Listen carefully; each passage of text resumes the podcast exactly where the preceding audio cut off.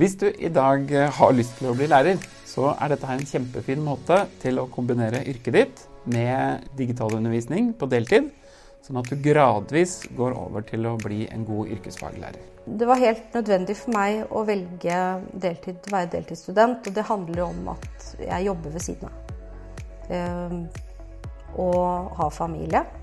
Men det krever jo selvfølgelig at man eh, setter av tid til det hverdagen og faktisk studere. Som student på PPU digitalundervisning så vil du oppleve at vi noen ganger har forelesninger med hele klassen, og noen ganger så deler vi inn i mindre grupper.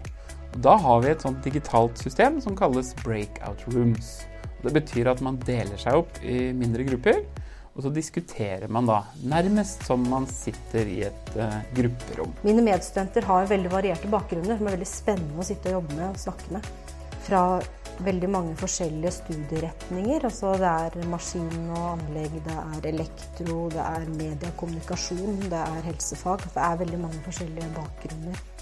For å bli yrkesfaglærer så må du også ut i videregående skole, hvor du får lov å praktisere ditt yrke i undervisningen.